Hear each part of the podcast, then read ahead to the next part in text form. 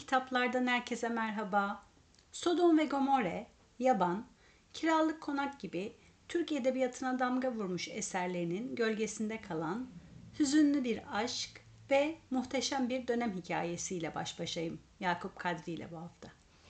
Hep o şarkı Osmanlı'nın son demlerinde İstanbul'da hali vakti yerinde bir ailenin tek kızının Münire'nin kaleminden çıkmış.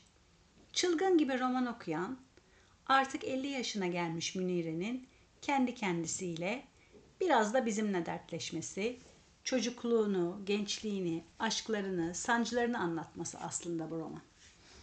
Ah sevgili Münire, daha çocukken aşık olduğun, 15 yaşına gelince aşkının karşılıklı olduğunu öğrendiğin, babanın en yakın arkadaşının oğlu, konak komşunuz Cemil'i ne çok sevdin sen.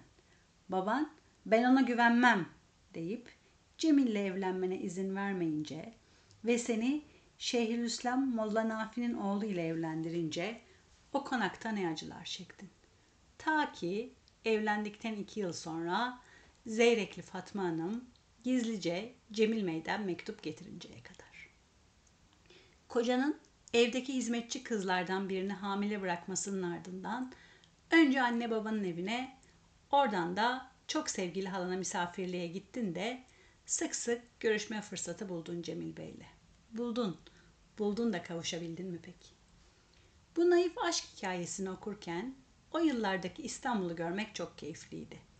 Yaz başında yalılarına taşınan zengin aileler, tüm gün süren deniz keyfi, mehtaplı gecelerdeki sandal sefaları, konak bahçelerindeki sazlı sözlü eğlenceler, bir padişahın sarayda görevli bir memurun oğlunun evlenme kararına etkisi, ardından Feriye Sarayı'nda Sultan Abdülaziz'in ölümü, yaşanan sıkıntılar öyle bir anlatılmış ki film izler gibi okunuyor.